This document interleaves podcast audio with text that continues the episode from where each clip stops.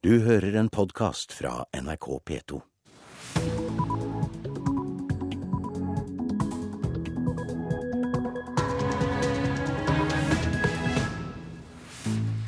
Det er blitt eh, torsdag 16. august, og nå klokka 6.30 så har vi disse overskriftene i Nyhetsmorgen. Politimestere vil ha færre og større operasjonssentraler i Norge. Politimester Arne Hammersmark i Gudbrandsdal politidistrikt er en av dem. I så måte så bør det altså slås sammen operasjonssentraler, slik at de blir større og, og mer robuste til å håndtere akutte situasjoner. Norske skoler mangler rutiner for å fange opp barn med lese- og skrivevansker.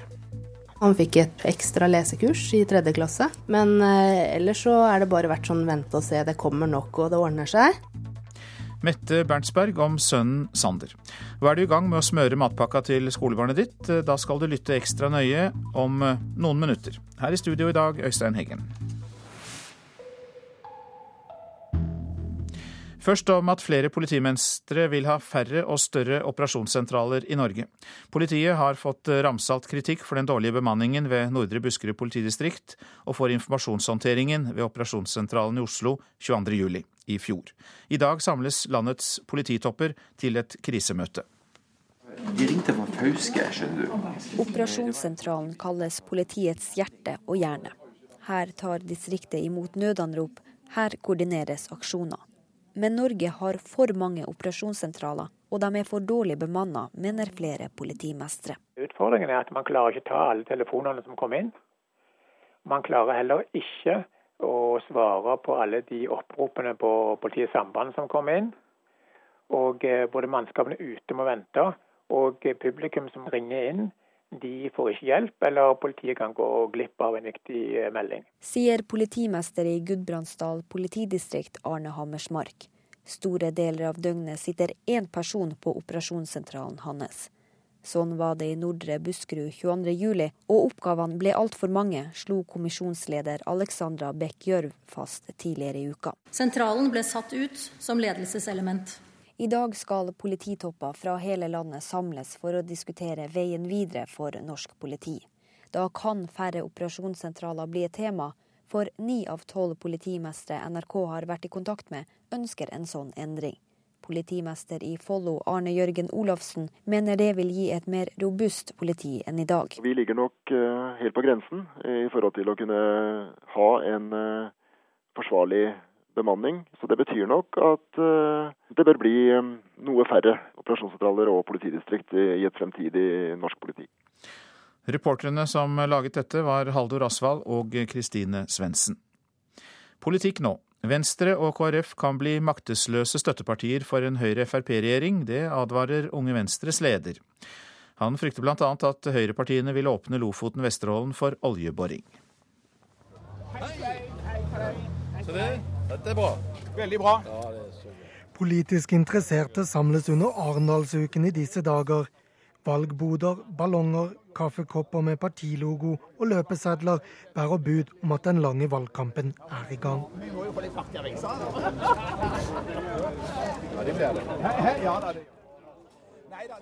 Venstre og KrF ønsker regjeringsskifte.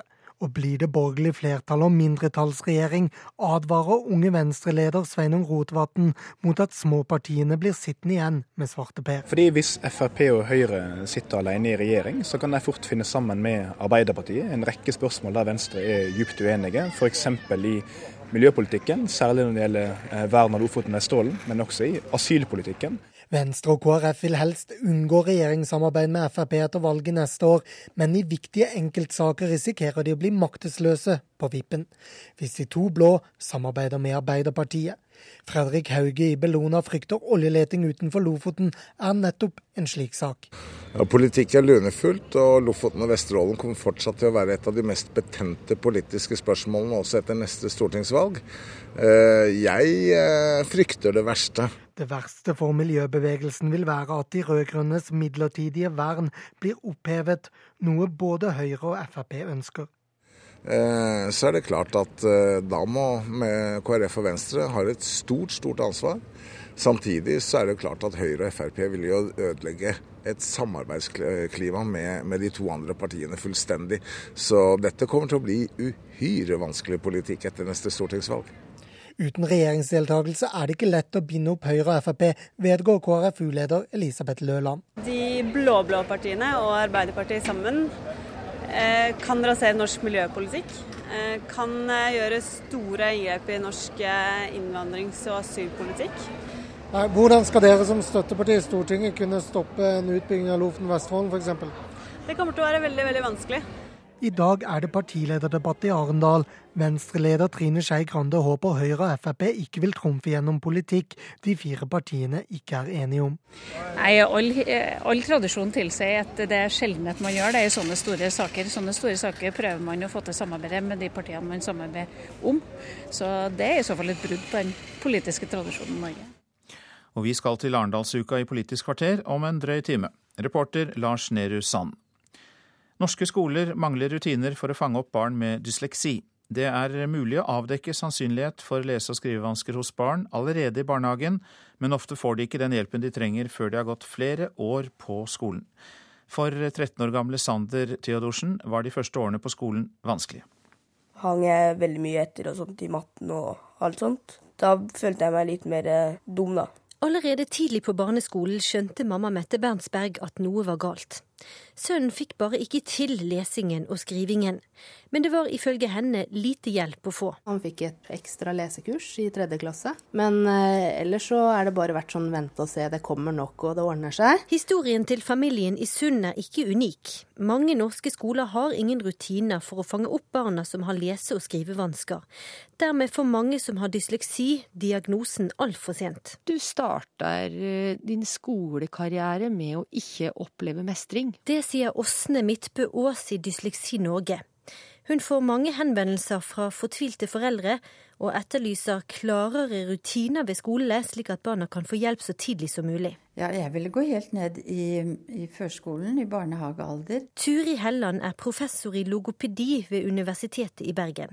Hun har jobbet med dysleksi i over 30 år, og sier det er fullt mulig å hjelpe disse barna tidlig. Man kan innføre rutinene i barnehagen, og da går det rett og slett på det å observere barnets språk og kommunikasjonsevner. Legge vekt på hvordan var barnets språkutvikling, og en skal forhøre seg om det finnes dysleksi i nærmeste familie. Men en kan da i hvert fall si at her skal vi følge ekstra mye med. 13-åringen i Sund får nå oppfølging på dysleksien sin, bl.a.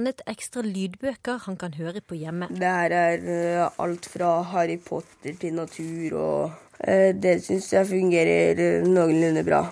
Sander Theodorsen til reporter Siri Løken.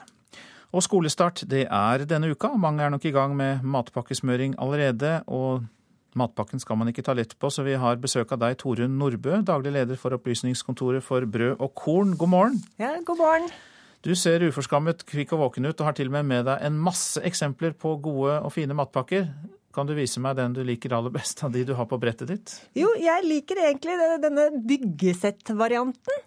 Sånn eh, at man kan få nysmurte skiver til lunsj. Oppi en blå eske så har du masse småesker. Ja, og der har jeg tatt med meg to grove brødskiver. Det er jo en basis.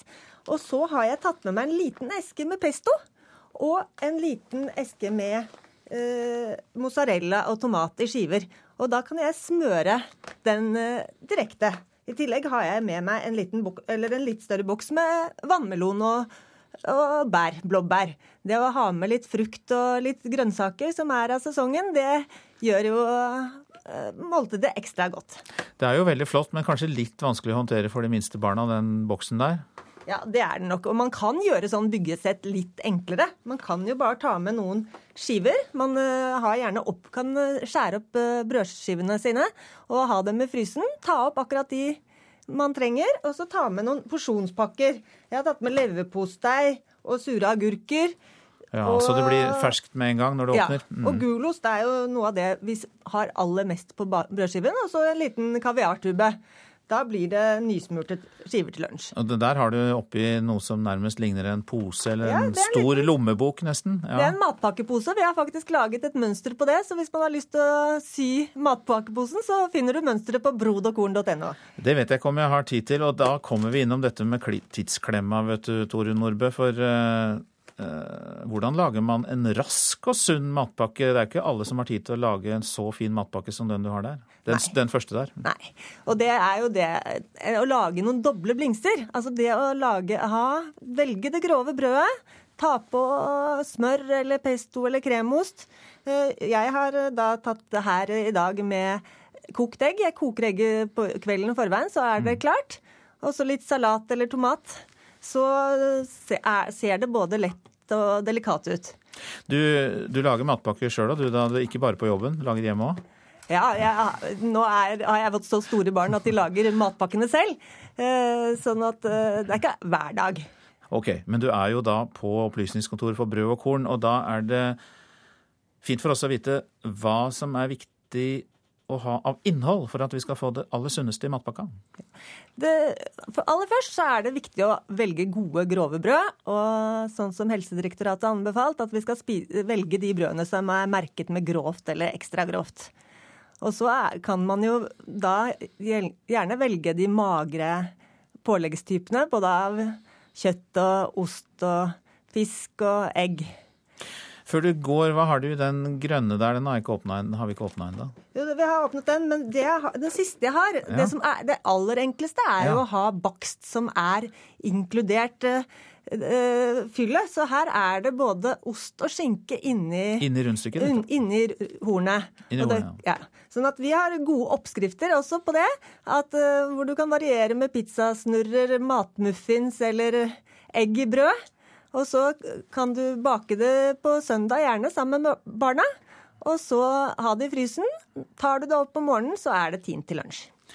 Matpakka som et felles prosjekt. Eh, Du har en konkurranse på gang òg, du Tore Nordbø?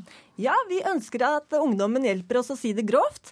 Vi ønsker å kommunisere det viktige budskapet om at godt kosthold med grove brødprodukter og fiber er viktig for god trivsel og læring på skolen. Så vi har en konkurranse og ønsker slagord fra ungdom opp til 20 år innen 20. oktober. Til Opplysningskontoret for brød og korn, og til deg, Torunn eh, Nordbø. Ha fortsatt en god dag, og takk skal du ha. Da skal vi se på avisene og forsidene der, og det er mye fokus på politiet. Ambulansene fikk GPS i 2003, mens politiet i Bergen fortsatt kjører rundt med kartbok, skriver Bergens Tidende. Overbetjent Hans Sigurd Morstøl blar i kartboka og sier han med GPS kunne konsentrert seg om jobben i stedet. Taxier har bedre dataterminaler i bilene enn politiet, er oppslaget i Vårt Land. Politiets radiosamband er slitt og usikkert, noe politiet og regjeringen har vært klar over i flere år. Milliardflom gir ikke mer trygghet, er Klassekampens oppslag. På ti år har politiet fått doblet bevilgningene, og sikkerhetstjenesten har fått en tredobling, men likevel står beredskap og overvåkning på stedet hvil. Politiet fikk 3 milliarder kroner ekstra fra 2005 til 2010, men brukte pengene til lønninger, skriver Dagsavisen. Urovekkende, mener 22. Politiet trengte fem timer på å mobilisere 22. juli, er Aftenpostens oppslag. Først ved 21-tida var politistyrken i Oslo fullt bemannet.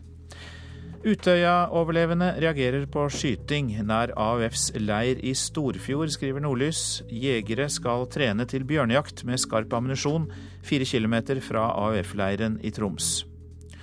Håkon Blekens hovedverk Blir knust, er oppslaget i Adresseavisen med bilde av kunstneren foran hans store stein- og glassmosaikk i St. Olav kirke i Trondheim. Den katolske kirken har ikke penger til å plukke ned mosaikken bit for bit når kirken blir revet. Placido Domingo fikk norsk pris på 2,5 millioner kroner, men pengene manglet, skriver Dagens Næringsliv. Kirsten Flagstad-festivalen fikk ikke penger av staten og kunne ikke dele ut pris til operastjernen likevel. På Skogn i Nord-Trøndelag satses 10 millioner kroner på ny industriutvikling, skriver Nasjonen. Statlige tilskudd skal gi nye bedrifter og arbeidsplasser til treforedling. Politiet sjekker nye Sigrid-observasjoner, er VGs oppslag. De håper at løsningen på Sigrid Giskegjerdes Skjetnes forsvinning ligger i tips de får inn. Nøklene på forsiden av Stavanger Aftenblad er verdt 16 700 kroner. Boligeiere låner ut sine hjem til oljemessen i Stavanger som aldri før. Å få Hollywood-kropp på en halvtime, det er Dagbladets oppslag om et nytt treningsprogram.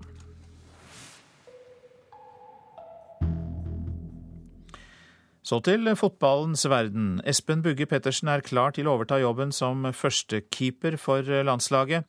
Rune Almenning Jarstein hadde ingen god dag på jobben i går, da Norge tapte 2-3 for Hellas i en privatlandskamp.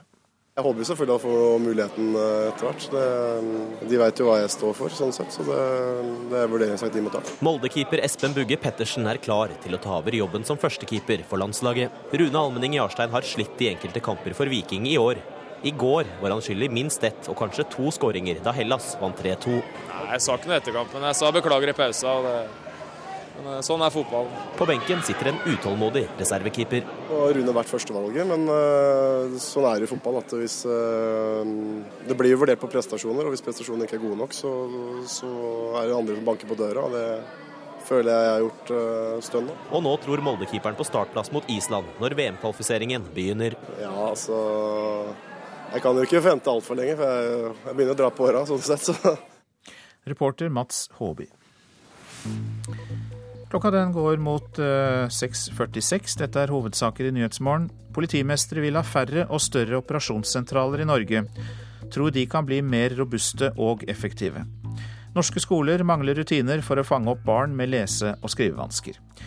Og eh, seinere i sendinga, eller eh, om ikke så altfor lenge, tro det eller ei, så skal du få høre at vi kan lukte oss til en friskere hjerne. For det er nemlig slik at NTNU-professor Arnulf eh, Kolstad mener at vi kan eh, få nye, friske hjerneceller ved å bruke luktesansen. Han skriver en bok om temaet, har snust, seg fram til forskning som viser at det å lukte rundt seg kan fornye de små grå. Kjenn på den her, hvor deilig den lukter. Jeg går jo i skogen nesten hver dag, vil jeg si, et par timer.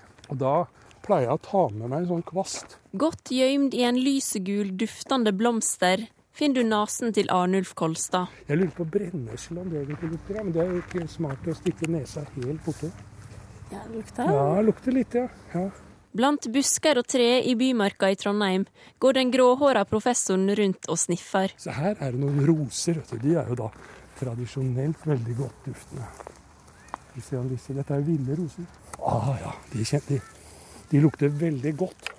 Men det er ikke bare gleden av rosedufta som har fått han ut på turstien. Kolstad skriver bok om hjernen, og mener at det å bruke luktesansen kan holde oss friske. Det jeg mener skjer når man lukter, det er at luktesenteret utfordres sånn at det holdes aktivt. Og det vet vi er veldig viktig for hjernen. Ellers så kortslutter man de forbindelsene mellom hjernecellene som ikke blir brukt. Og ikke nok med det. Ifølge forskninga han skriver om, kan luktsenteret vårt lage nye hjerneceller som sprer seg til resten av hjernen. Rett og slett ei fornying av de små grå. Og Det mener jeg er ganske viktig egenskap. Derfor er det nødvendig å holde denne luktesansen intakt. Sørge for at den opprettholdes. Rikard Julin har verdens beste nese. Vi snakker om at hundene våre har god luktesans. Rikard er oppimot det. I NRK-programmet Nesevis vil programlederne inspirere seerne til å bry seg mer om både lukt og smak. Det lukter søren meg kokos av det der. Og Kolstad tror vi er for lite opptatt av å bruke nesen vår nå, sammenligna med tidligere. Vi var i fjøset og tok melka direkte fra kua, så hadde vi jo masse lukter. Nå får vi jo et sånt pappliter som vi ikke er i stand til å kjenne lukta av melk lenger. Knapt nok lukta av papp. Hva er det beste lukta du vet om? Markjordbær er godt. Lukter bra. Nei, skal jeg ha en god parfyme eller noe? Det lukter godt. Og så mat når du er skikkelig sulten. Lukt, ja, ja, ja. Jeg vet ikke om jeg kan hjelpe deg med Jeg har katter som lager lukt. og det er naboenes katter som kommer gjennom noe og det er fryktelig. Det lukter ikke godt? Det lukter ikke godt, og det er vanskelig å få bort. Nei, Jeg syns gutteparfyme lukter veldig godt. Så jeg er veldig glad i å gå inn i parfymerier og lukte på forskjellige guttelukter. Og så lukter jo også veldig godt på badet etter kjæresten min har dusja og ordna seg, da. Alle har et forhold til lukt, men Kolstad mener vi må være mer aktive i møte med alt som dufter rundt oss. Men her lukter det skog. Ja, her lukter det blåbær. Her kan jeg lukte blom. Nå, nå overdøver denne blomsten litt, men hvis jeg går uten sterke lukter omkring meg, så er jeg nå i stand til å lukte blåbær, fordi jeg har gjort det bevisst da, nå i tre uker. For en kan trene opp luktesansen sin, ifølge professoren. Men et problem er at vi mangler ord til å skildre luktene. Når det gjelder f.eks. farver, så har vi et språk for farvene. Vi har ikke på noen måte samme språk for lukt. Altså Vi sier ikke engang at det lukter salt. Det smaker salt. Så her er vi også på underskudd når det gjelder ord og begreper. Og der vet vi jo hvor viktig det er for synssansen at vi har ord for forskjellen mellom blått og grønt. Hvis man ikke har ord for det, så ser man ikke forskjell. Og medan torskelukt er favoritten, vil han ikke si hva han helst unngår å snuse på.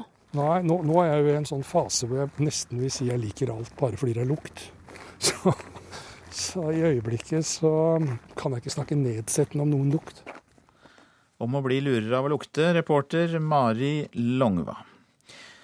Mange av medlemmene i Den norske kirken døper ikke barna sine, det skriver Vårt Land. Dette er hovedårsaken til at tallet på medlemmer i Den norske kirken går ned. Det viser en masteroppgave skrevet av sogneprest Asbjørn Salte.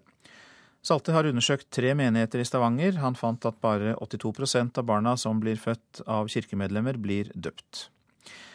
Geologer og arkeologer har gjort et svært uvanlig funn ved Skanderborg i Danmark. Ifølge dansk TV 2 har de funnet restene av en hær på om lag 1000 krigere. Dette er et helt spesielt funn. Det finnes ikke noe som ligner i Nord-Europa, sier arkeolog Mats Kehler ved Mats Kehler Horst heter han, ved Århus universitet. Kehler Horst sier at det er usikkert hva som har skjedd, men tror krigerne har blitt massakrert eller ofret. Videre undersøkelser skal finne ut hvem de var, og hvor de kom fra. Madonna overbeviste få i Telenor Arena i går kveld. 54-åringen er for gammel til å svinge seg på scenen med lærpisker i bordellomgivelser, har mange ment i det siste. Og anmelderne er langt på vei enige.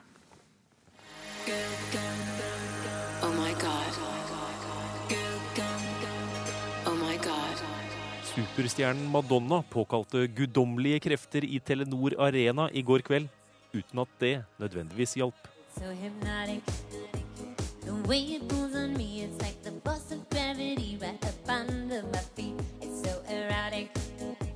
This feeling can't be beat. It's coursing through my whole body. Feel the heat.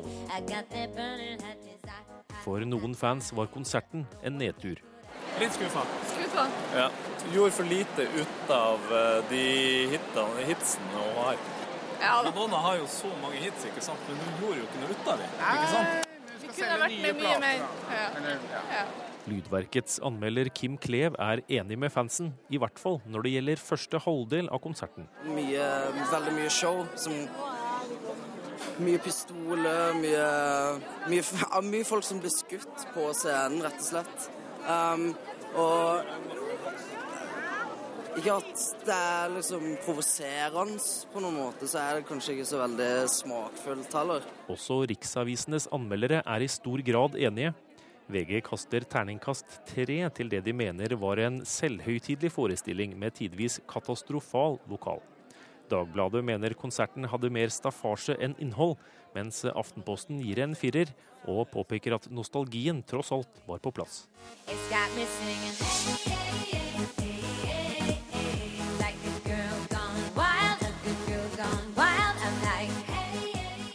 Madonna har den seneste tiden fått krass kritikk for rett og slett å ha blitt for gammel til å svinge seg rundt på scenen med lærpisk i bordellomgivelser. Men ikke alle er enig i det. Wow! det var kjempebra. Ja, helt Jeg må ta ut poppene. Ja, det var visuelt fantastisk. Jeg syns at hun holder seg så utrolig godt til å være på den alderen. Ja. Også Lydverkets Kim Klev mener konserten tok seg opp mot slutten. Blant annet når uh, gjør en sånn dempa, jazzete versjon av Like a Virgin. Um, jeg syns for så vidt konserten har like mange sider ved seg som, som artisten Madonna.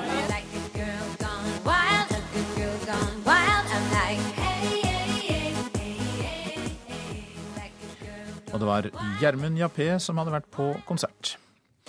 Næringslivet må på banen og bidra mer til Munch-jubileet neste år. Det mener redaktøren i ukeavisen Ledelse, Magne Lerøe. Fire måneder før jubileet sparkes i gang, mangler det fortsatt penger. Dermed er det uklart hvor omfattende feiringen av Edvard Munchs 150-årsjubileum blir. Og det er ikke bare staten som har et ansvar, sier Lerøe. Det burde da være mulig å hente ut noe flere sponsormidler eh, til et, eh, et, jubileum for Munch. Altså, det, jeg forstår egentlig ikke at man ikke der er kommet lenger.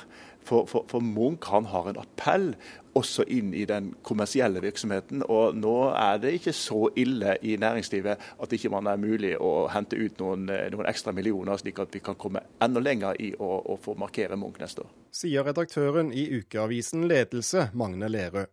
I går fortalte Dagsrevyen at budsjettet for Edvard Munchs 150-årsjubileum neste år fortsatt ikke er klart.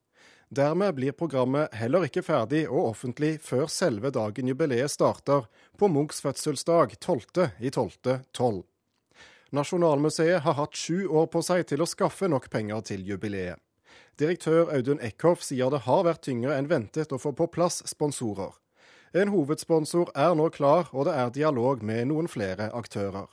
Likevel innrømmer direktøren at han fortsatt mangler noen millioner kroner for å få til alt han ønsker. Det hadde nok vært en fordel å få eh, en større del av finansieringen klarlagt tidligere. Men eh, vi er trygge på at det blir et godt jubileum. Eh, en god del er på plass.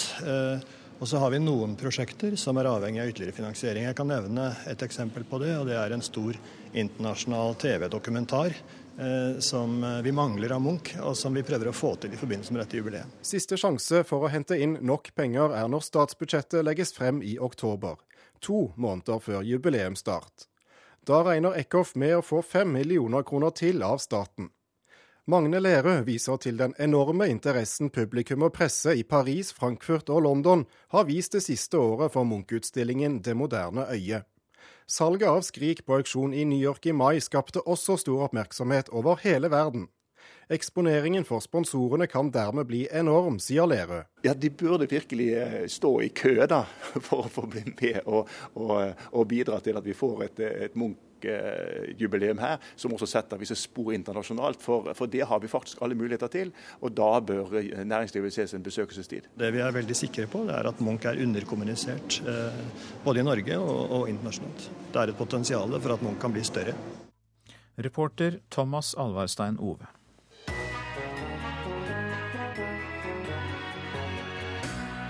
Paraguay ble kasta ut av Sør-Amerikas svar på EU, Mercosur, etter at president Fernando Lugo ble avsatt i det mange kaller et kupp 22.6 i år. Nå klager Paraguays nye styre utestengelsen inn til Den internasjonale domstolen i Haag. Vi tar for oss det politiske kaoset i Paraguay i Radioselskapet i morgen klokka 11 på P2.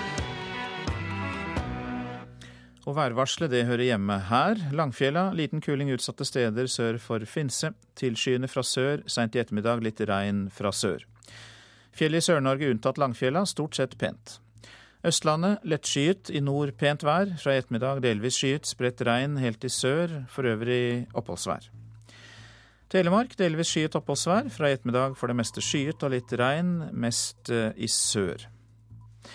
Agder vest for Lindesnes forbigående liten kuling, delvis skyet oppholdsvær. Fra i ettermiddag skyet og litt regn. Rogaland og eh, Hordaland lettskyet, i ettermiddag tilskyende og etter hvert regn. Sogn og Fjordane stort sett pent vær. Seint i ettermiddag blir det tilskyende, men likevel eh, fortsatt oppholdsvær. Møre og Romsdal lettskyet, utrygt for tåke i ytre strøk. Så var det Trøndelag, stort sett pent. I nord blir det riktignok spredte regnbyger, og det kan bli utrygt for tåke i ytre strøk. Nordland får lokal tåke i ytre strøk, ettermiddagsbyger i indre strøk, men ellers pent vær i Nordland i dag. Troms får tåke på kysten, tidlig på dagen også lokal tåke i dal- og fjordstrøk. Pent vær, men ettermiddagsbyger i grensestrøkene kan det bli. Kyst- og fjordstrøkene i Finnmark, i ytre strøk lokal tåke, stort sett opphold.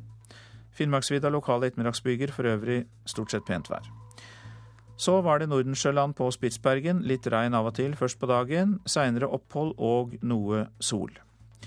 Så har vi temperaturer målt klokka fem. Svalbard lufthavn fem grader. Kirkenes ni. Vardø også ni. Alta elleve. Tromsø-Langnes åtte grader. Bodø ti. Brønnøysund elleve. Trondheim-Værnes ti grader. Molde hadde tolv grader. Bergen-Flesland 11. Stavanger 16 grader, Kristiansand-Kjevik 13. Gardermoen og Lillehammer hadde begge 10 grader. Røros eh, var nede i én grad bare klokka fem i dag morges, eller skal vi si i natt. Og Oslo-Blindern hadde 13 grader.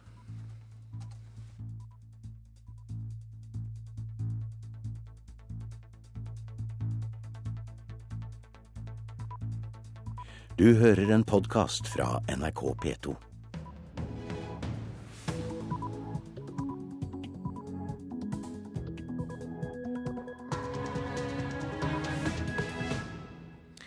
Klokka den er blitt sju, og du lytter til Nyhetsmorgen. I studio er Øystein Heggen i dag, og her er en nyhetsoppdatering.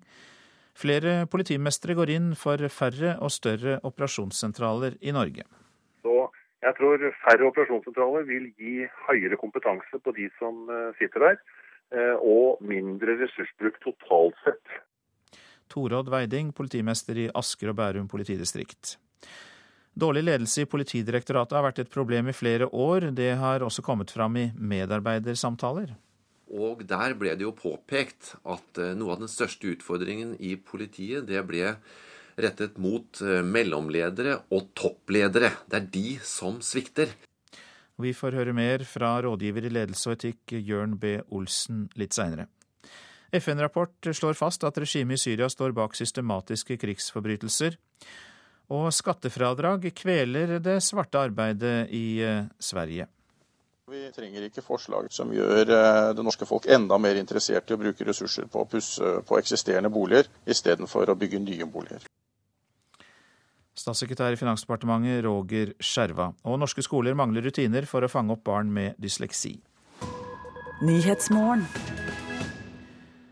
Flere politimestre vil ha færre og større operasjonssentraler i Norge. Politiet har fått eh, ramsalt kritikk for den dårlige bemanningen ved Nordre Buskerud politidistrikt og for informasjonshåndteringen ved operasjonssentralen i Oslo 22.07. I dag samles polititoppene til et krisemøte. De ringte fra Fauske, skjønner du. Operasjonssentralen kalles politiets hjerte og hjerne. Men 22.07 klappa systemet sammen. Hvorfor evnet ikke politiet å håndtere informasjonen de hadde fått, og hvorfor iverksettes ikke tiltakene i Oslo? Tidligere i uka kritiserte kommisjonsleder Alexandra Beck Gjørv operasjonssentralen både i Oslo og Nordre Buskerud. Operasjonssentralen blir rett og slett fullstendig overbelastet. Nå mener flere politimestre at operasjonssentralene ville blitt bedre hvis det ikke var så mange av dem. Etter mitt syn så er det for mange operasjonssentraler i Norge som er for små. Og eh, i så måte så bør det altså slå seg sammen operasjonssentraler, slik at de blir større og, og mer robuste til å håndtere akutte situasjoner. Sier politimester i Gudbrandsdal politidistrikt Arne Hammersmark. I Nordre Buskerud satt én person på operasjonssentralen 22.07. Sånn er det store deler av døgnet i Gudbrandsdal politidistrikt. Utfordringen er at man klarer ikke ta alle telefonene som kommer inn. Man klarer heller ikke å svare på alle de oppropene på politiets samband som kommer inn. Og eh, både mannskapene ute må vente, og publikum som ringer inn, de får ikke hjelp, eller politiet kan gå glipp av en viktig eh, melding. NRK har vært i kontakt med nesten halvparten av landets politidistrikt. Ni av de tolv politimestrene som vil gi et klart svar, sier ja til å kutte antall operasjonssentraler. Men politimesteren i Midtre Hålogaland, Elisabeth Kåss, sier nei. Det vi har sett som en fordel her, er at vi har lokalkunnskap som kan være uvurderlig hvis ting skjer. Og jo større politidistriktene er, jo vanskeligere vil det være for operasjonssentralen å ha den nødvendige lokalkunnskap. I dag skal politimestere fra hele landet samles for å diskutere veien videre for norsk politi. Da kan færre operasjonssentraler bli et tema, for det ville gjort politiet i Norge bedre, mener Torodd Veiding, politimester i Asker og Bærum politidistrikt. Det å ha operasjonssentral i 27 politidistrikt, det er utrolig ressurskrevende. Eh, og I tillegg til det så er det en rekke operasjonssentraler som ikke får den nødvendige treningen. Eh, rett og slett fordi at antall oppdrag er for få. Og når det da virkelig smeller, så har man ikke det riktige nivået. Og denne reportasjen var laget av Haldor Asvald og Kristine Svendsen. Arne Jørgen Olafsen, politimester i Follo politidistrikt, god morgen. Morgen, ja. Ja, hvorfor tror du færre politidistrikter eh, vil være en fordel? Ja, Nå er det vel først og fremst færre operasjonssentraler som er eh, tema. Det er slik at eh, de senere år har blitt stilt stadig større og nye krav til operasjonssentralene. De har blitt pålagt flere oppgaver og har fått et større og større ansvar. Og for å håndtere disse oppgavene så er det i hvert fall min erfaring at det må være en viss størrelse på en operasjonssentral. I Follo, som er et middels stort eh, norsk politidistrikt, så ønsker vi å ha tre, helst fire personer på jobb eh, hver dag, eller til enhver tid. Eh, og det har vi store problemer med. Og det betyr at i hvert fall halvparten av landets politidistrikt i dag har store problemer med å ha to på jobb på sin operasjonssentral til enhver tid. Hva tror du om det som ble nevnt i innslaget her, om at lokalkunnskap kan gå tapt dersom man har større operasjonssentraler? Lokalkunnskap er uh, viktig, og det er store forskjeller uh, mellom Nord-Norge og Østlandet. Um, men det som først og fremst er viktig på en operasjonssentral, er at man har kunnskap om den hendelsen man styrer og leder og skal forsøke å lese, lede. Og det er ikke nødvendigvis sammenheng sammenheng mellom den kunnskapen og størrelsen på operasjonssentralen. Du nevnte at du gjerne ville ha tre-fire til stede til enhver tid på operasjonssentralen. Hva tror du er det vanlige i Norge i dag? Ja, jeg er stygt redd for at eh, hvis man ser bort fra de største politidistriktene, så er det nok to til tre som er uh, det normale.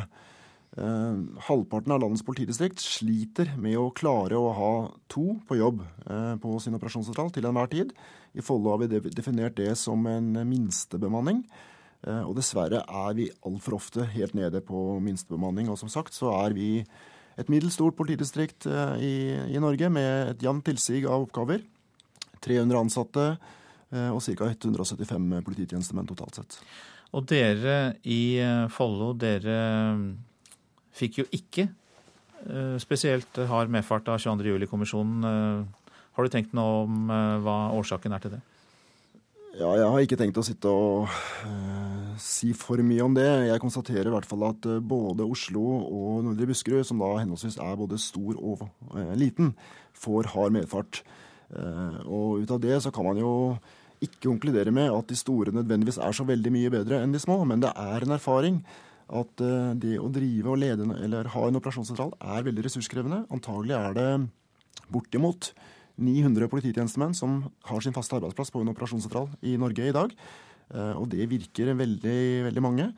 Eh, og, det, og særlig når det skjer store og særlig flere hendelser samtidig, så er det veldig krevende å, drive en operasjonssentral. Og jeg mener at det er ikke forsvarlig å ha færre enn to. Eh, på jobb eh, til enhver tid. Og dermed er du da, som jeg skjønner, enig i konklusjonen om at det bør eh, kanskje være noe færre operasjonssentraler, hvis vi skal konkludere? Jeg tror det kan være smart å redusere antallet politidistrikt og antall operasjonssentraler noe, men jeg har lyst til å ta et forbehold og si meg langt på vei enig med min kollega Elisabeth Kaas i at det er forskjeller i dette landet. Det er store lokale forskjeller. Og avstandene i nord og vest i dette landet er helt annerledes enn de er på det sentrale østlandsområdet. Takk for at du kom, Arne Jørgen Olafsen, politimester i Follo politidistrikt. Så eh, skal vi høre at Politidirektoratet preges av mange år med dårlig lederskap. Det sier rådgiver i ledelse og etikk Jørn B. Olsen. Politiet har eh, ikke bare en ledelsesutfordring, men her er det vel mer riktig å, å si en, et ledelsesproblem. Slurv, sendrektighet, manglende lederskap. Det er noen av ordene 22. juli-kommisjonen bruker for å beskrive innsatsen til toppledelsen.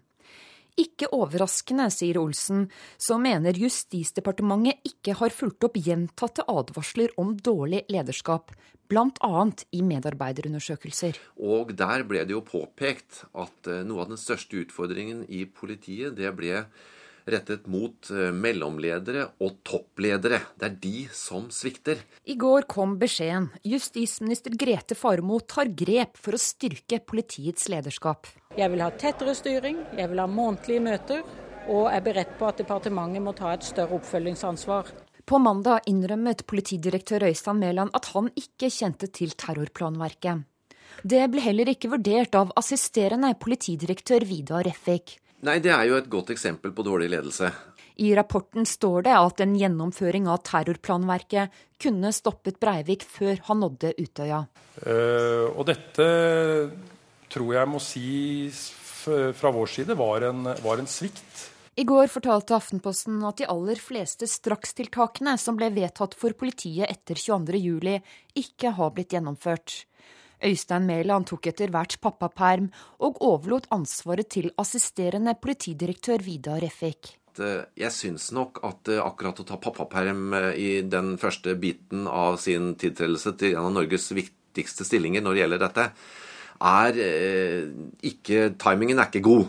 Og det samme skjer jo nå med at assisterende politidirektør har dratt på ferie i en tid hvor politiet nå skal svare for seg i en sak som kanskje er den største som politiet, og den største utfordringen politiet har kanskje etter krigen, så er det også dårlig timing. Og det sier litt om holdning til ledelse. Ledelsesrådgiver Jørn B. Olsen til reporter eh, Line Tomter. VG-kommentator Fridtjof Jacobsen, god morgen. God morgen. Er det slike holdninger eh, Er det der skoen trykker? At man tar eh, pappaperm og ferie på upassende tidspunkter? Nei, jeg, jeg tror ikke det er det store problemet. Det, det er i hvert fall ikke inntrykket når man har lest den kommisjonsrapporten. Eh, det som jeg tolker som står i den rapporten, er altså at når det virkelig gjelder, så handler man ikke resolutt nok, og man skjønner ikke alvoret. Eh, og det gjelder på mange nivåer i politiet, men også blant mange ledere. Er det holdninger eller organisering det skorter på? Ja, Det er jeg ikke helt sikker på. Eh, altså, Organisering er et problem. fordi Det har jo blitt påpekt og ble jo nevnt i forrige sak altså at eh, operasjonssentralene, som er viktige når det blir en krisesituasjon, er underbemannet. Eh, og også veldig underutstyrt. Jeg hørte jo om telefoner som ikke virket, så man måtte ringe manuelt til mannskapet. Ringe to ganger til hvert nummer, for de skrudde seg av. Altså det, var, det hadde vært umulig å få en Nyhetsmorgen på lufta med det utstyret, for å si det sånn. Eh, så, så det, det, var jo én ting. Og det andre var også at de, det var for få mennesker. Eh, og det visste man, men det var ikke gjort noe med. Så, eh, så det er det ene. Og det andre er og det er kanskje at Men utstyr og, og mennesker kan man alltids få tak i. Men det andre var, var altså, virker som altså ikke alvoret ble oppfattet. Og det gjaldt f.eks. i Oslo. Og det er jo alvorlig. Og det gjorde altså at at systemet ikke på en måte tar liksom to skritt opp og går i full rød beredskap, for å si det sånn, da, hvis man skal bruke sånn filmuttrykk. Men uh, som en kilde sa til meg en gang, at det er et terroranslag i Norge, og man behandler det som et middels bankran. Og det gikk jo ikke bra. Men har du gjort deg noen tanker om hva som kan være de bakenforliggende årsakene til at man reagerer slik, eller nærmest ikke reagerer adekvat? Ja, det blir, det blir, nesten litt filosofisk, men, men Ja, gjerne, altså, gjerne det. Ja, nei, eh, det er noe med at terror det, altså, Siden 11.9 så tror jeg vi alle kanskje intellektuelt har forstått at eh, det er en fare for at terroren kan ramme. Akkurat som i den kalde krigen så visste vi at det var en fare for at vi kunne havne i krig med, med Russland eller Sovjetunionen, og at det var en fare for atomkrig. Men jeg tror ikke vi tok det helt på alvor. Eh, I hvert fall ikke de fleste av oss. Man tenkte at jo da, terror er farlig og, og sånn, men, eh, men, vi kan ikke holde på med det og drive med det hele tiden. Og, og det gjør at når det først skjer, eh, så er det faktisk at man liksom ikke oppfatter at nå er det virkelighet. Altså Terror er ikke noe abstrakt størrelse. Eh, det er virkelig. Bomben eksploderer. Mange folk dør. Terroristen er på frifot. Han kjører ut til Utøya. Der henretter han folk liksom systematisk gjennom en time.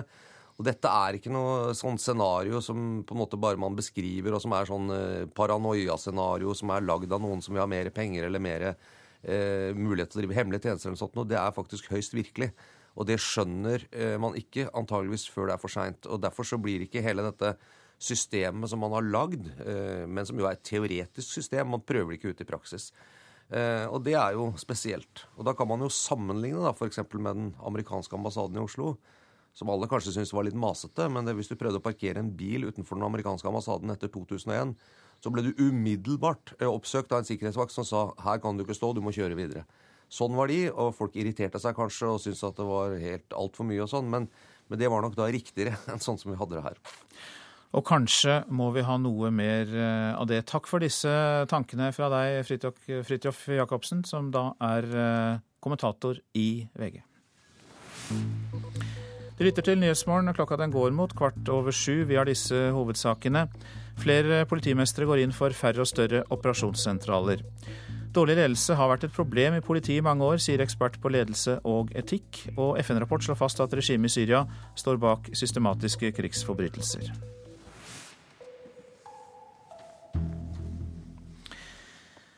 Ja, Politisk kvarter går på lufta om eh, nøyaktig en halvtime der. Og eh, du er programleder, eh, Per Arne Bjerke, og er på plass i Arendal, for sendingen kommer derfra i dag. Hva blir temaet? Ja, Rapporten fra 22.07-kommisjonen preger jo også Arendalsuka, der alle våre toppolitikere nå er samlet. Justisminister Grete Faremo hun kommer hit til studio om en halv time og skal svare på hvordan hun har tenkt å rydde opp i en politietat som ikke klarte jobben sin. Og så blir det miljødebatt. Audun Lysbakken og Trine Skei Grande slåss om de samme velgerne, og møtes til duell om det er SV eller Venstre som er det grønneste partiet. I Politisk kvarter direkte fra Arendal kvart på åtte. Ecuador reagerer sterkt på at britiske myndigheter har truet med å storme Ecuadors ambassade i London dersom Wikileaks-grunnlegger Julian Assange blir utlevert. Ecuadors utenriksminister Ricardo Patino reagerer sterkt. Trusselen fra britene er uakseptabel. Ecuador er ikke en britisk koloni, sier eh, han.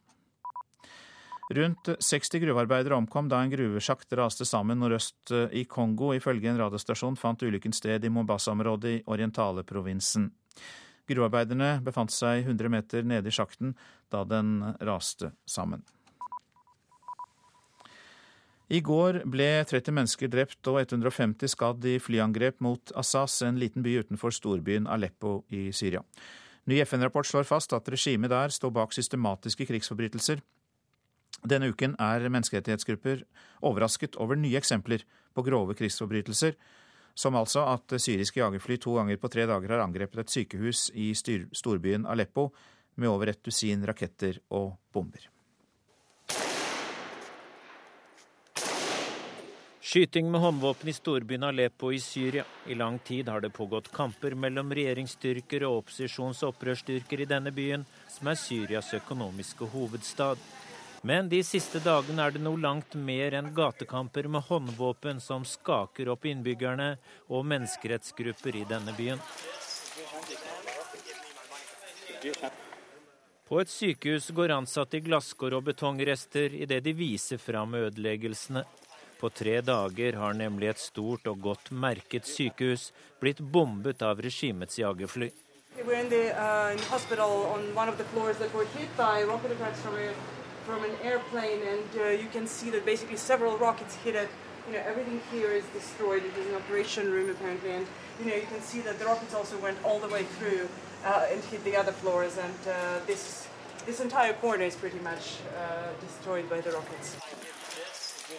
Dette var et operasjonsrom. Bombene gikk gjennom øverste etasje og videre inn i bygningen. Hele denne fløyen er ødelagt. Det sier Anna Neistat i organisasjonen Human Rights Watch. Hun mener at angrepene viser at president al-Assad ikke skyr noen midler. I det siste angrepet døde fire pasienter, mens tre sykepleiere er såret. I det første ble tre personer skadd, blant dem en lege. Etter disse to angrepene på tre dager har ledelsen ved sykehuset evakuert pasientene i de to øverste etasjene. Om lag et dusin raketter har truffet sykehuset. Dette er våpen som kan skytes fra jagerfly på tre kilometers avstand. Dar al-Shifa-sykehuset ligger øst i Aleppo, i områder der opposisjonen har kontroll. Helsepersonell og menneskerettsorganisasjoner protesterer nå kraftig fordi sykehuset er blitt et mål for de militære styrkene til president Bashar al-Assad. Sa reporter Dag Bredvei. Jan Egeland, du er med oss på telefon. Du er europadirektør for Human Rights Watch, organisasjonen som har slått alarm om disse angrepene på sykehuset i eh, Aleppo. Hva er din reaksjon? Jo, min reaksjon er at eh, denne krigen er nå først og fremst rettet mot eh, sivile. Eh, regimet og dets eh, overveldende slagkraft rettes i økende grad inn mot sivile. Gjentatte angrep mot et hospital som var godt merket, som, var, som, alle visste eksisterte akkurat på denne plassen. Det er et gammelt, etablert akutthospital. tyder på at regimet gjør ingenting for å skåne de sivile i henhold til, til eh, lovene for eh, krig. Ja, Hva sier Genévekonvensjonen og andre regler for krigføring om dette? Genévekonvensjonen er veldig klare. Eh, sivile beskyttede personer, eh, hospitaler, skoler, sivile bygninger er spesielt beskyttet. Eh, I dette tilfellet eh, ble eh, hospitalet truffet to ganger. Fikk direkte treff. Og vi kunne ikke se noen militære eh, i, i, nærheten. Der var eh, noen eh, få eh, hospitalvakter foran hospitalet. Og altså våre folk eh, eh, besøkte bygningen rett etter angrepet.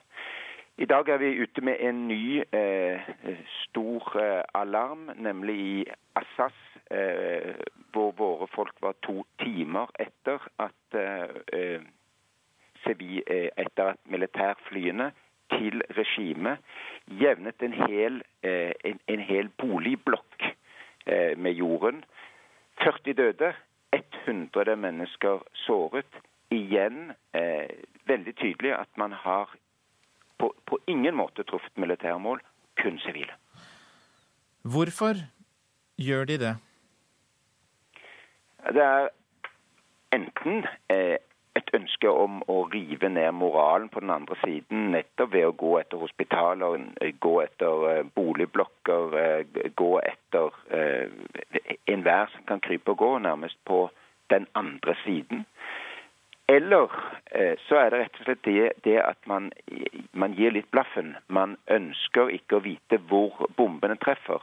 I det siste tilfellet, altså i Assas, så, så var det to eh, militære mål i nærheten en eh, kommandopost til motstandsarmeen eh, og et, eh, et, en, en, et fangeleir som motstandsstyrkene har, hvor de bl.a. har regjeringssoldater.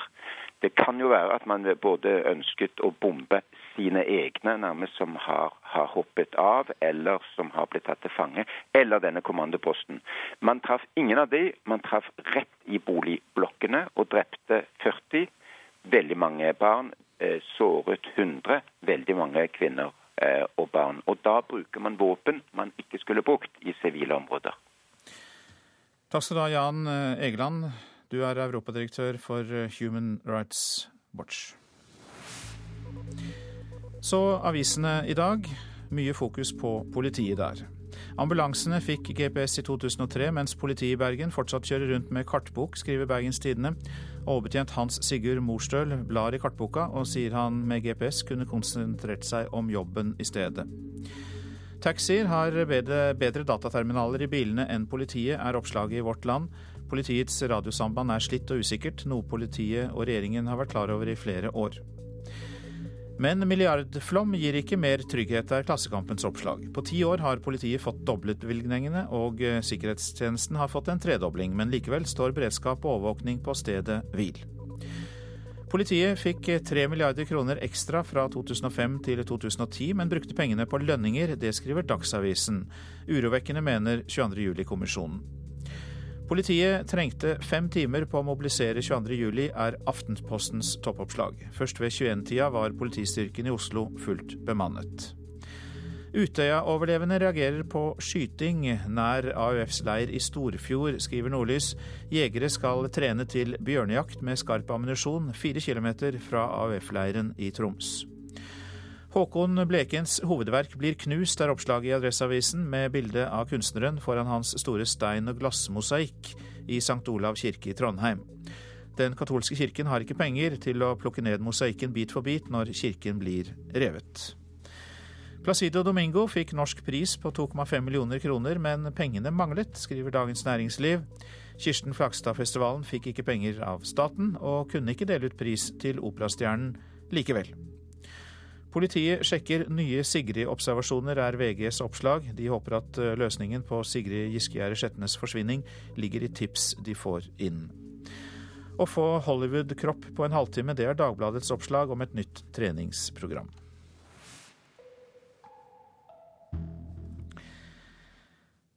Kombinasjonen av en eh, døv katt og en eh, fòrhauster førte til at spektakulære funn av Norges sjeldneste fugl på Oddland Karmøy denne uka.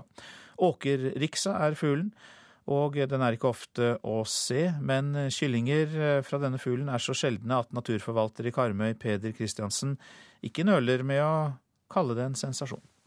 Ja, Norges eh, sjeldneste fugl, og minst dokumenterte, kanskje.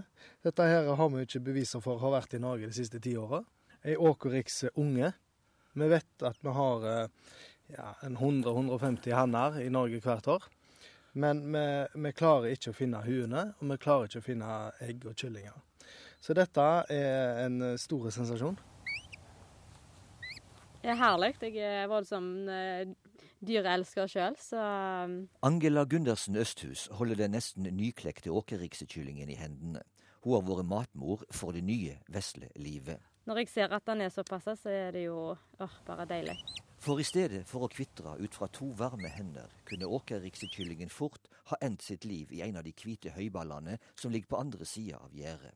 For dette er historien om åkerrikser, en fòrhauster og en døv katt. Hvert år når de slår, så er vi ganske strikse med han som slår, da. At han må være voldsomt obs på å passe på at ikke denne her døve katten ligger i, i åkeren. Så når han da så noe bevegte seg i gresset, så Eh, hoppet han ut, stoppet han og hoppet ut og, og grabba ei, ei fugl. Og det var jo da sikkert mora. Eh, så jeg tror han stokk, for jeg tror han heiv henne i lufta, og hun fauk. Og så ble det jakting på disse små, herlige snålefuglene.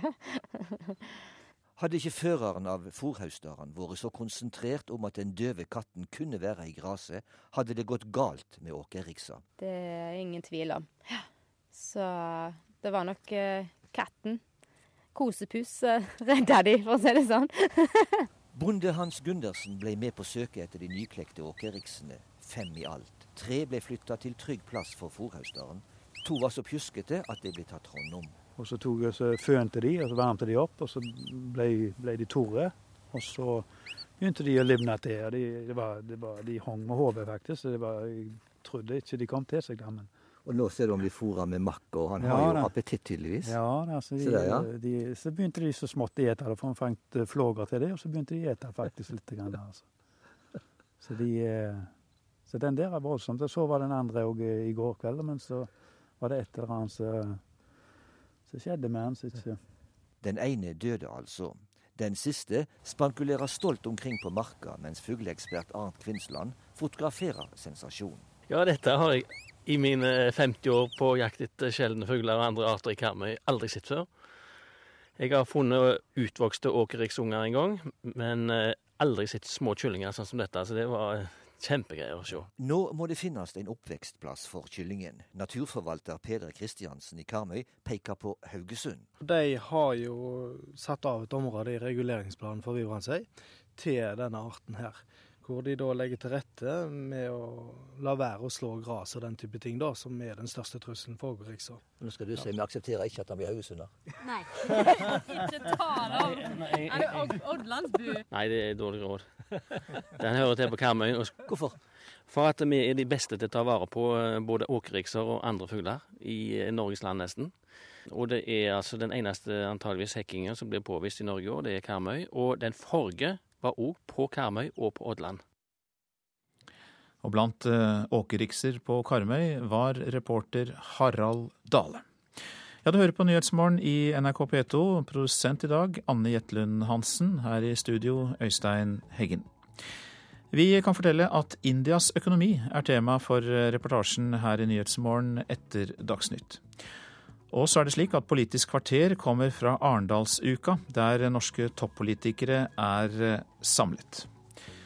Har du tips eller kommentarer, så kan du sende det på en e-post til eh, nyhetsmorgen krøllalfa nrk.no, altså nyhetsmorgen krøllalfa nrk.no. Og om eh, få sekunder er Tor Albert Frøsland klar med Dagsnytt.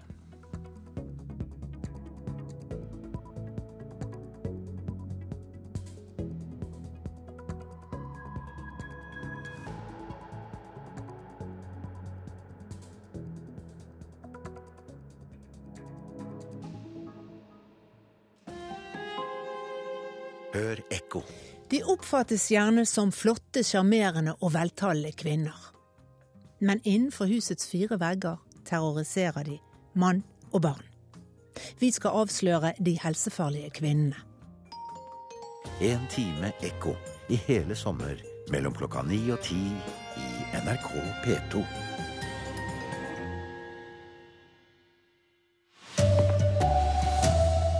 Politimestere vil ha ned tallet på operasjonssentralene for å styrke beredskapen.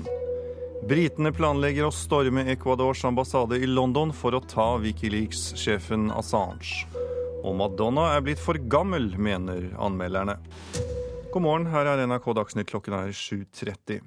Flere politimestre vil ha færre og større operasjonssentraler.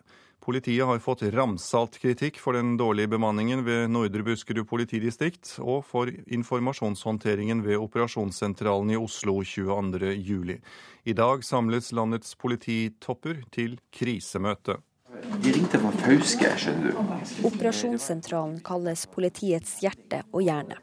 Her tar distriktet imot nødanrop, her koordineres aksjoner. Men Norge har for mange operasjonssentraler, og de er for dårlig bemanna, mener flere politimestre. Utfordringen er at man klarer ikke ta alle telefonene som kommer inn. Man klarer heller ikke å svare på alle de oppropene på politiets samband som kommer inn. Og eh, både mannskapene ute må vente, og publikum som ringer inn, de får ikke hjelp, eller politiet kan gå glipp av en viktig eh, melding. Sier politimester i Gudbrandsdal politidistrikt Arne Hammersmark. Store deler av døgnet sitter én person på operasjonssentralen hans. Sånn var det i Nordre Buskerud 22.07, og oppgavene ble altfor mange, slo kommisjonsleder Alexandra Beck Gjørv fast tidligere i uka. Sentralen ble satt ut som ledelseselement. I dag skal polititopper fra hele landet samles for å diskutere veien videre for norsk politi. Da kan færre operasjonssentraler bli et tema, for ni av tolv politimestre NRK har vært i kontakt med, ønsker en sånn endring. Politimester i Follo, Arne Jørgen Olafsen, mener det vil gi et mer robust politi enn i dag. Vi ligger nok uh, helt på grensen i forhold til å kunne ha en uh, forsvarlig bemanning. Så det betyr nok at det bør bli noe færre operasjonssentraler og politidistrikt i, i et fremtidig norsk politi. Reportere var Kristine Svendsen og Haldor Asvald. Politidirektoratet preges av mange år med dårlig lederskap. Det sier rådgiver i ledelse og etikk Jørn B. Olsen.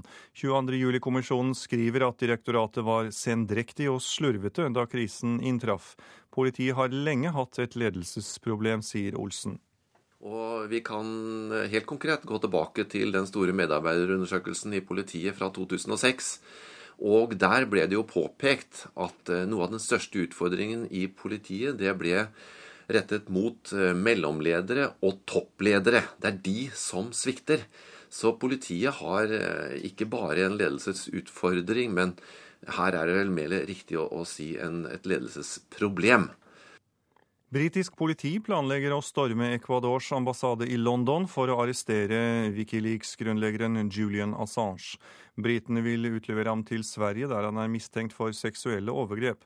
Myndighetene i Ecuador er provosert over planene om å arrestere Assange i deres ambassade. Vi er ingen britisk koloni, tordner Ecuadors utenriksminister.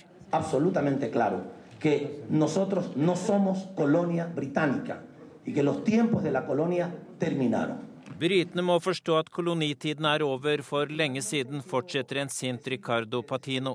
Utenriksministeren er grundig provosert etter et brev som han mottok i går, et brev postlagt i London.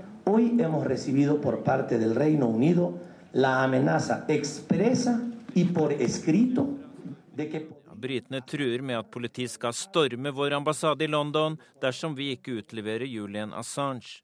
Det var 19.6 at grunnleggeren av Wikileaks søkte tilflukt i Ecuadors ambassade i London. Julian Assange fryktet at britene ville utlevere ham til Sverige. Der må han svare på anklager om seksuelle overgrep mot to svenske kvinner. Assange frykter at Sverige vil utlevere ham videre til USA, der han kan bli dømt for spionasje og konspirasjon mot USA pga. publisering av hemmeligstemplede dokumenter. Britisk utenrikstjeneste bekrefter planene om å storme Ecuadors ambassade for å hente ut Julian Assange med makt. I henhold til britisk lov kan vi på en ukes varsel ta oss inn i ambassaden, som da ikke vil ha diplomatisk beskyttelse.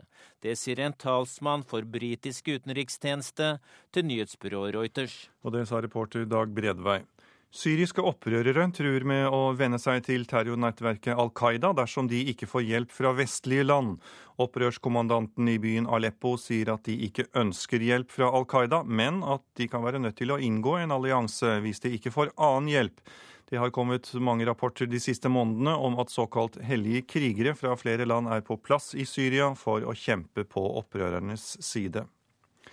Venstre og KrF kan bli maktesløse støttepartier for en Høyre-Frp-regjering, advarer Unge Venstres leder.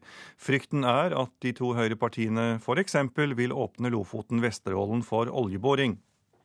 Fordi Hvis Frp og Høyre sitter alene i regjering, så kan de fort finne sammen med Arbeiderpartiet en rekke spørsmål der Venstre er djupt uenige, f.eks. i miljøpolitikken, særlig når det gjelder eh, vern av Lofoten og Vesterålen, men også i asylpolitikken. Sier Unge Venstre-leder Sveinung Rotevatn. Venstre og KrF vil helst unngå regjeringssamarbeid med Frp etter valget neste år, men i viktige enkeltsaker risikerer de å bli maktesløse på vippen. Hvis de to blå samarbeider med Arbeiderpartiet.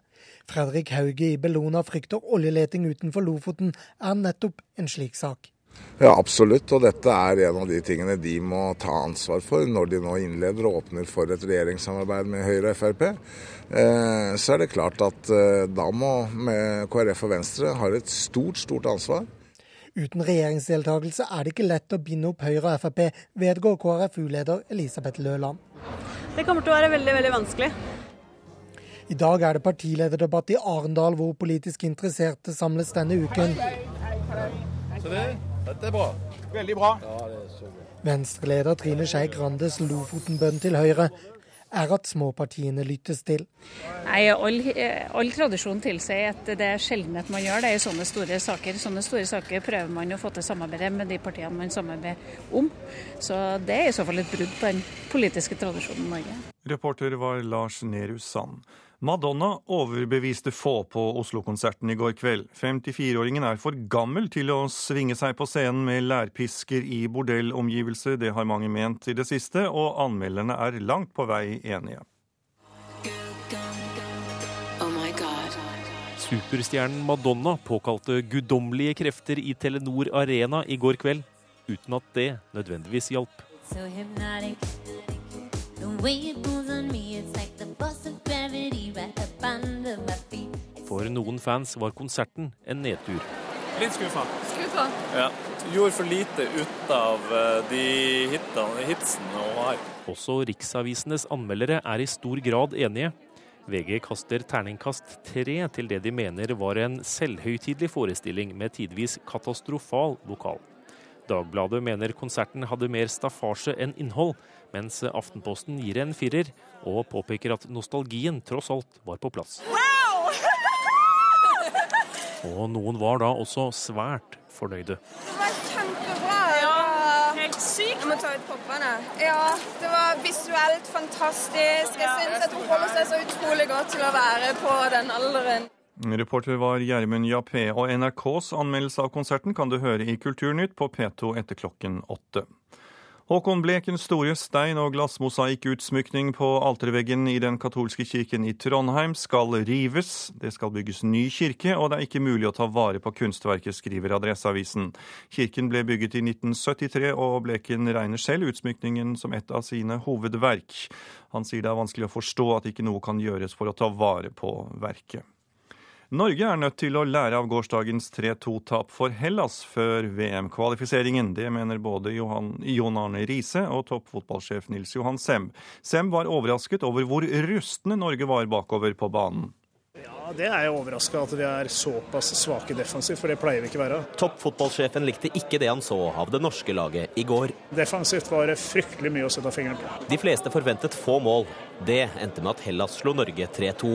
En advarsel før VM-kvalifiseringen som begynner om drøye tre uker, mener Jon Arne Riise. Spark bak med tanke på at vi må faktisk jobbe hardere enn det vi gjorde i dag. Vi må luke vekk den personlige feilen vi gjorde i dag. og gå tilbake til basic der vi vet vi er gode på, med tanke på stram linje, gode defensivt og veldig kompakte. For i dag vi ga dem for mye kontringer, og det var, det var skuffende.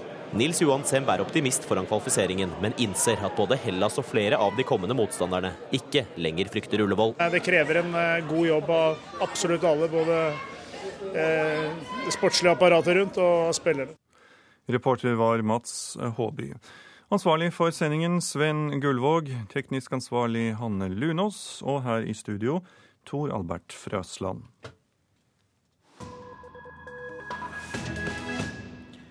Du lytter til eh, Nyhetsmorgen.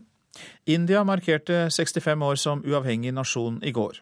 Tosifret vekst har vært politikernes mål for India lenge, men de to siste årene har utviklingen sporet av.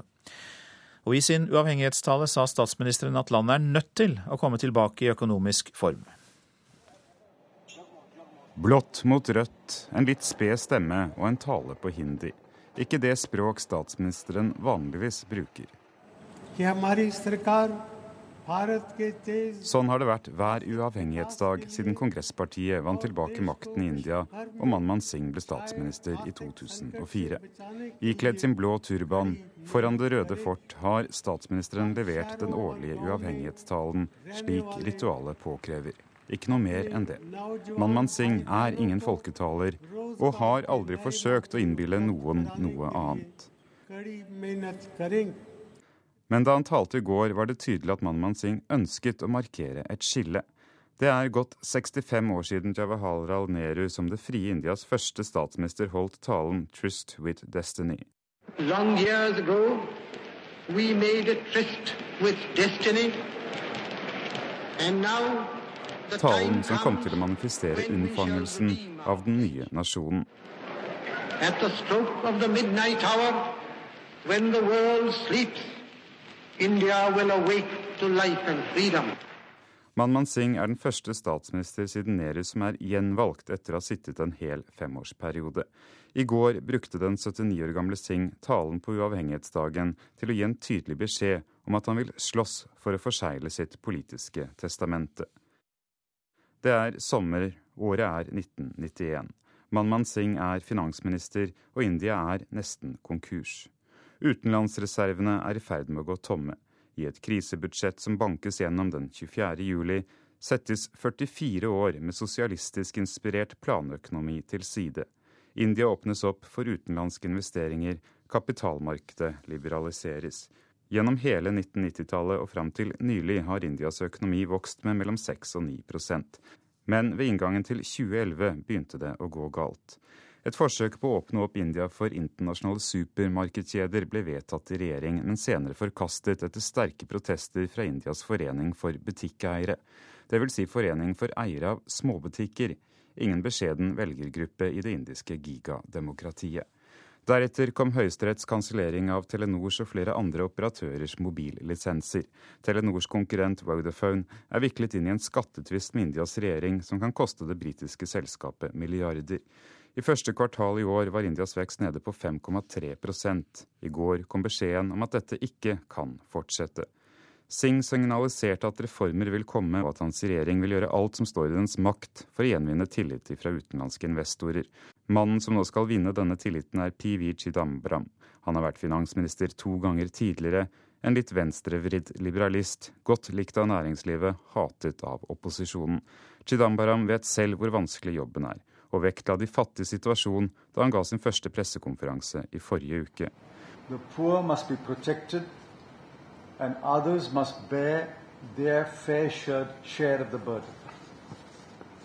Price stability is an important objective.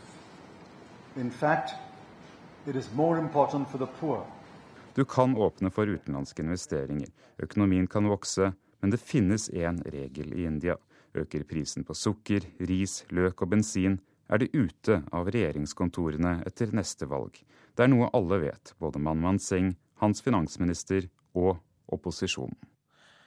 Sa reporter Philip Lote. Dette er Nyhetsmorgen, og vi har disse hovedsakene. Flere politimestre går inn for færre og større operasjonssentraler i Norge. Dårlig ledelse i Politidirektoratet har vært et problem flere år, sier ekspert på ledelse. Norske skoler mangler rutiner for å følge opp elever med lese- og skrivevansker. Og Politisk kvarter kommer i dag fra Arendal, der våre toppolitikere er samlet til Arendalsuka. Og du er også der, programleder Per Arne Bjerke. Ja, og rapporten fra 22.07-kommisjonen preger politikeruka i Arendal. Har justisministeren fortsatt tillit til politiledelsen? Og hvilket parti er det grønneste i landet? Trine Skei Grande møter Audun Lysbakken til duell.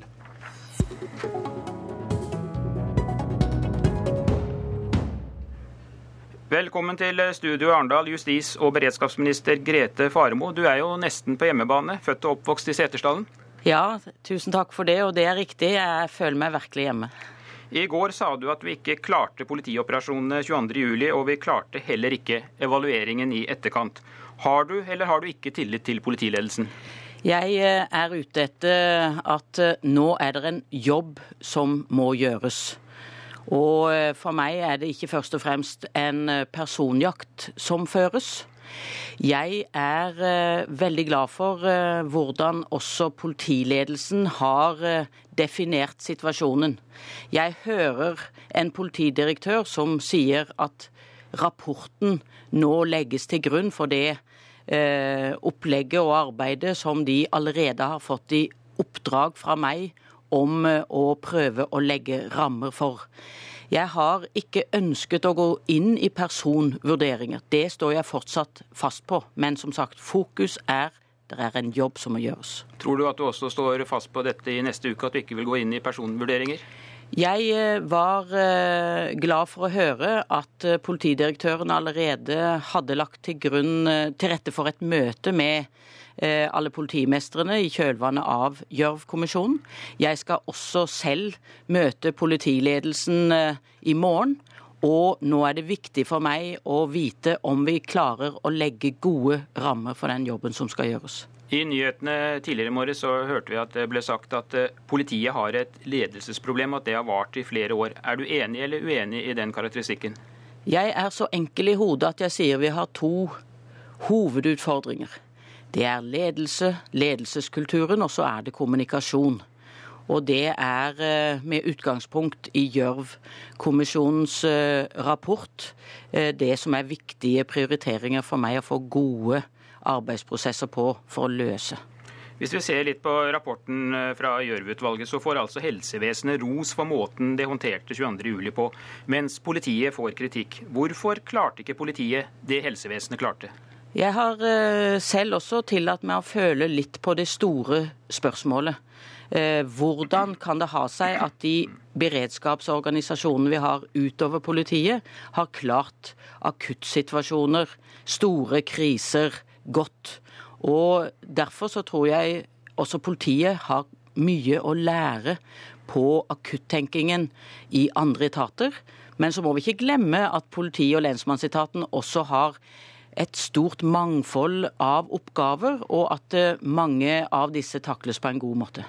Politiet var i flere år preget av uro, misnøye og lønnskamp. Som vi vet, kan interne lønnskamper og kamp for bedre arbeidsforhold ha bidratt til å fjerne oppmerksomheten fra det som er politiets egentlige oppgaver?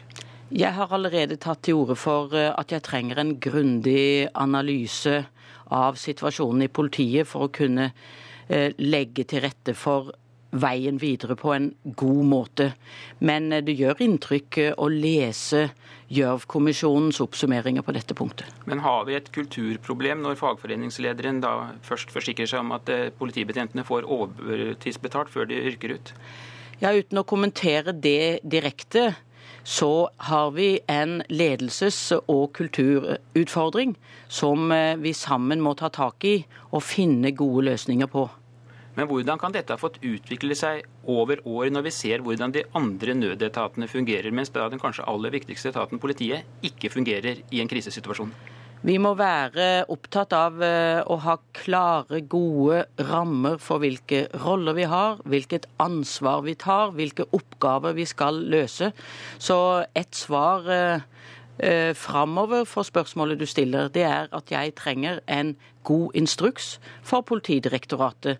Et tydelig skille mellom det strategiske nivået som departementet representerer, og det operative nivået og ansvaret som politiledelsen må ta sammen med politidistriktene. Skal jeg tolke deg slik at du mener at politiets problem er mer mangel på organisering enn en mangel på penger? Jeg tror utfordringene ligger flere steder, og det er noe av bakgrunnen for at denne analysen trengs. Men så skal vi også gjøre mye underveis. Som jeg sier, har vi sagt at noe virker, så må vi sørge for at det virker. Det nasjonale varslingssystemet virket ikke 22.07 i fjor. Vi hadde heller ikke helikopterberedskap. Og dette er ting som vi må sørge for at virker som vi har sagt at det skal. I dag så samler politidirektøren politisjefene for å gå igjennom 22.07-rapporten. Hvor lang tid eh, har han på seg for å rydde opp? Ja, som sagt, dette møtet var jeg glad for eh, at eh, det var lagt til rette for. Og så skal også jeg som sagt møte politiledelsen i morgen, og så skal vi etter hvert nå de nærmeste dagene bygge en plan for hvordan ta dette arbeidet videre. Men hvor lang tid har han på seg? Dette er noe vi har kort tid på oss alle sammen. Kort tid, hva vil det si? Vi har eh, fra regjeringens eh, side sagt at eh, Gjørv-rapporten vil bli fulgt opp med en stortingsmelding. Jeg har også vist til at statsministeren allerede har bedt om å gi en redegjørelse for Stortinget, og at det skjer innen kort tid. Vi vil komme tilbake til hvordan vi vil legge opp dette arbeidet også i disse dokumentene. Nå har det etter 22.07 også kommet frem at det er mye politifolk på jobb på tider hvor man kanskje ikke trenger så mye politifolk, og få politifolk på jobb når man trenger mange politifolk. Må de som søker seg til eh, politiet akseptere at det er viktigere å være på jobb eh, fredag kveld enn torsdag formiddag? Det er ikke riktig av meg å gå inn i enkeltheter, men det er jo disse analysene som ligger i Gjørv-kommisjonens rapport, som vi må ta grundig tak i. Nå hørte vi tidligere i morges at flere politimestre de vil ha større og færre operasjonssentraler. Er du enig i denne vurderingen? Jeg er opptatt av å gå inn i anbefalingene som Gjørv-kommisjonen gir. Jeg har ikke tenkt å begynne den diskusjonen eh, over radio nå, slik at vi ender ut i en lokaliseringsdebatt eh, fortere enn svint. Men noen av de faglige utfordringene er på hvordan takler vi en akutt krise, enten den er stor eller liten, og hvordan takler vi ikke minst de aller største. Dette var noe som ikke fungerte i fjor. Er du helt sikker på at du klarer å rydde opp i politiet? Jeg har sagt det er en jobb som må gjøres, og jeg er innstilt på å ta utfordringen, men det er jo klart med stor ydmykhet at jeg gjør det. Men eh, du kommer ikke til å gi deg før du har dette på plass? Jeg er motivert for å gjøre en jobb, ja. Takk skal du ha, Grete Farmo, for at du kom hit til Politisk kvarter. Og Da skal vi foreta en liten ommøblering i studio. Mens Grete Farmo går ut, så får vi på plass eh, to nye gjester. Venstre-leder Trine Skei Grande og SV-leder Audun Lysbakken. Bare ta plass ved mikrofonen der. Velkommen hit. Eh, klima er også et av temaene her i Arendal. Det Neste året så kommer dere til å slåss om noen av de samme velgerne. Hvem av dere to leder det grønneste partiet, Audun Lysbakken? Jeg eh, tror at den beste inngangen til miljødebatten er å diskutere hvordan vi skal sette miljø og klima på dagsorden. Og da er jo Venstre eh, ofte det partiet på Stortinget som ligger oss aller nærmest. Så jeg har kanskje lyst til å begynne et litt rausere hjørne og si at det er jo ikke Venstre eller SV som er problemet, men at vi ikke greier å få alle de andre partiene med på å gjøre miljø til viktigste sak. Det er jo litt sånn at SV er partiet for miljøinteresserte på venstresiden. Venstre er partiet for miljøinteresserte på høyresiden. Eh, vi har et felles problem i at de andre partiene i norsk politikk ikke gjør klima til det det burde være, nemlig hovedsaken i enhver valgkamp. Trine Skei Grande, er det du som er mest miljøvennlig, eller er det Audun Lysbakken? Jeg er i og for seg enig med Audun. Det er ikke noe poeng at vi skal krangle oss imellom. Vi har en kjempestor jobb å gjøre. Og, derfor, og det er veldig viktig at det er et grønt parti i enhver regjeringskonstellasjon som, som, presser på og som kjemper videre. Jeg tror jo at denne regjeringa vi har nå, hadde vært verre hvis SV ikke hadde vært der. Eh, og jeg har ambisjoner om at eh, en deltakelse med Venstre i regjering skal presse miljøet i god retning. Og så har vi jo et klimaforlik i bunn. Det er bunnplanken for, eh, for eh, alle partiene. Og den prosessen med det klimaforliket, det lærte meg et, eh, et Ja, på, på borgerlig side så har vi fått god respekt for, for det viktige. For å gripe fatt i det du sier nå om å presse klimaet i riktig retning, Trine Skei Grande. Som vi hørte i nyhetene i morges, så frykter altså unge venstrelederen at Venstre og KrF kan bli maktesløse støttepartier for en Høyre-Frp-regjering, og at høyrepartiene vil åpne Lofoten og Vesterålen for oljeboring. Hvordan ser du for deg at Lofoten og Vesterålen kan bli vernet dersom Høyre og Frp kommer i regjering? Ja, Det som eh, Rotevatn sa, det var at eh, det er viktig at Venstre er i regjering. Og vi stiller jo til valg fordi vi ønsker å komme i regjering. Vi ønsker en Høyre-sentrum-regjering. Det har vært bra for miljøet tidligere. Der har vi fått gjennom gode gjennomslag. Når vi laga forhandlinger med klimaforliket, så så vi at vi kom jo mye lenger med Høyre enn hva regjeringa var villig til å komme oss i møte. Vi hadde over 30 jo, men punkter vi ble enige om. Vesterålen spør vi om nå. Vil du kunne garantere at de blir vernet eh, dersom Venstre kommer i en avgjørende posisjon etter valget? Ja, nå har vi sittet i regjering sammen med Høyre og KrF, der Venstre bare hadde to stortingsrepresentanter bak seg. Vi fikk stoppa Lofoten og Vesterålen. Selv om det da var et flertall i Stortinget, og selv om det var en mindretallsregjering som styrer.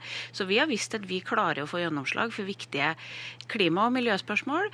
Og det som klimaforliket lærte meg, var at det er stor respekt på borgerlig side om at dette er en viktig sak for Venstre, og en sak der vi må ha viktig gjennomslag. Lysbakken, kan du garantere at eh, du får Arbeiderpartiet med på varig vern dersom dere vinner valget også neste gang? Det er jo fordi SV sitter i regjering at vi ikke har fått utbygging eh, i Lofoten, Vesterålen og Senja. Eh, vi har klart det.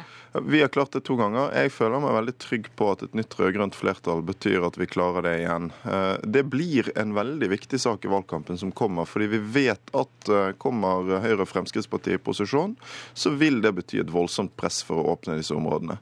Det er jo også Trine sin store utfordring at sånn som det nå ligger an, så betyr jo Venstre sine samarbeidstanker på høyresiden at Fremskrittspartiet vil få makt. Det er veldig vanskelig å se for seg at klimapolitikken i Norge skal bli bedre. Men så syns jeg at vi må ta et felles ansvar for å sørge for at f.eks. Lofoten, Vesterålen og Senja blir et stort uh, valgkampspørsmål. Oljeøkonomien i Norge er en stor utfordring, ikke bare for miljøet, men for uh, vår øvrige økonomi, vårt øvrige næringsliv. Og det å nå Eh, få til debatt i begge blokkene om hvordan vi kan sette bremsene på eh, for oljesektoren for å skape rom i norsk økonomi for å skape framtidens arbeidsplasser, det er kanskje det aller, aller viktigste spørsmålet vi kan reise i valgkampen som kommer. Trine Skei Grande. Ja, vi i Venstre er veldig opptatt av å skape de nye grønne arbeidsplassene. Og det tror jo vi at vi klarer å få til på borgerlig side. Det har vi sett at det er et stort engasjement på å prøve å utvikle ny teknologi, utvikle et nytt næringsliv. Prøve å finne de grepene det handler om for å lage de nye grønne arbeidsplassene som vi vet at vi skal leve av i framtida. Det handler om at oljen ikke varer evig heller. Det tror jeg alle skjønner. Og da er det viktig å gjøre oss forberedt på at Norge faktisk kan være en energinasjon også med de nye grønne grønne energiene. Eh, og Da må du ha et virkemiddelapparat som får det næringslivet opp og gå, og som også tar fokus, sånn at ikke alle de klokeste hodene våre havner bare i oljenæringa. Og alle de grepene her tror jeg at det er stor mulighet for å få gjort, fordi at alle ser at det er viktig å gjøre sånne grep. Ja, alle ser, men Dere forsøker da begge å profilere dere som eh, det store miljøpartiet, men ingen av dere kan jo sies å ha overveldende oppslutning, akkurat. Hvorfor er ikke klima en vinnersak? Det er et utrolig viktig spørsmål, fordi uh, de fleste, uh, med, med, noen unntak, sånn som Fremskrittspartiet f.eks., er villig til å si at uh, klima er vår tids aller viktigste spørsmål. Vi vet det at hvis klimaendringene virkelig får slupp, bli sluppet løs på oss, så blir alle andre mål vi har om fred, utvikling, demokrati i verden, umulig å nå. Eh, det er vår tids skjebnespørsmål. Men likevel så oppfører veldig mange politikere seg ikke sånn. Eh, vi eh, har gjort det til en æressak i SV at vi skal ha miljø og klima som hovedsak hver gang vi går til valgkamp. Men de store partiene gjør foreløpig ikke det. Kan du si at du har klart det i regjeringen? Altså, det er ingen tvil om at vi har dratt regjeringen kraftig i grønnere retning. Det er bare å se på den klimameldingen som ble lagt fram, på hva som har skjedd når det gjelder bilrestriktive tiltak i storbyene. Sånn vil det alltid være at opposisjonen opposisjonen vil kunne overby regjeringen på noen ting. Jeg er veldig glad for at vi hadde en god prosess, særlig med Venstre og KrF, for å få dratt dette i uh, enda bedre retning på noen områder. Men, men, det viktige spørsmålet du stiller er hva gjør vi for at velgerne og folk skal være mer opptatt av klima? Jeg tror det er to utfordringer. Det ene er at det er vanskelig for folk å tro at klima er en så stor utfordring som det vi sier at det er, når ikke flere partier gjør det til hovedsak, og man ikke ser at politikerne syns at det er viktigere enn andre spørsmål. Da må vi få de andre partiene med oss på å la klima prege valgkampen. Det andre er at jeg tror både SV, Venstre og miljøbevegelsen må greie å vise at vi har en positiv visjon for lavutslippssamfunnet. Skei Grande, hvordan skal du få klima opp på dagsordenen? Nei, For meg var prosessen rundt klimaforliket både interessant, men også veldig, gjorde meg veldig optimistisk. Det at vi kom så langt med Høyre, 32 poenger. Og så kom vi kjempelangt med Frp også, før regjeringa satte ned foten og var redd for at vi skulle klare å bli enige om å gå veldig mye lenger enn regjeringa på, på klimaspørsmål. Og Det gjorde meg veldig optimistisk på at herre kan vi virkelig få til noen ting på. Men det er klart at den regjeringa blir forskjellig om du har Venstre som drivkraft der på de grønne sakene, eller om vi ikke får lov til å være med. Så Derfor så stiller vi til valg for at vi skal inn i den regjeringa nettopp for å påvirke, for vi ser at ting blir forskjellig når vi er der, eller når vi ikke er der. Takk skal dere ha, og det var Politisk kvarter her fra Arendal. Jeg heter Per Arne Bjerke og er tilbake i morgen til samme tid. Du har hørt en podkast fra NRK P2.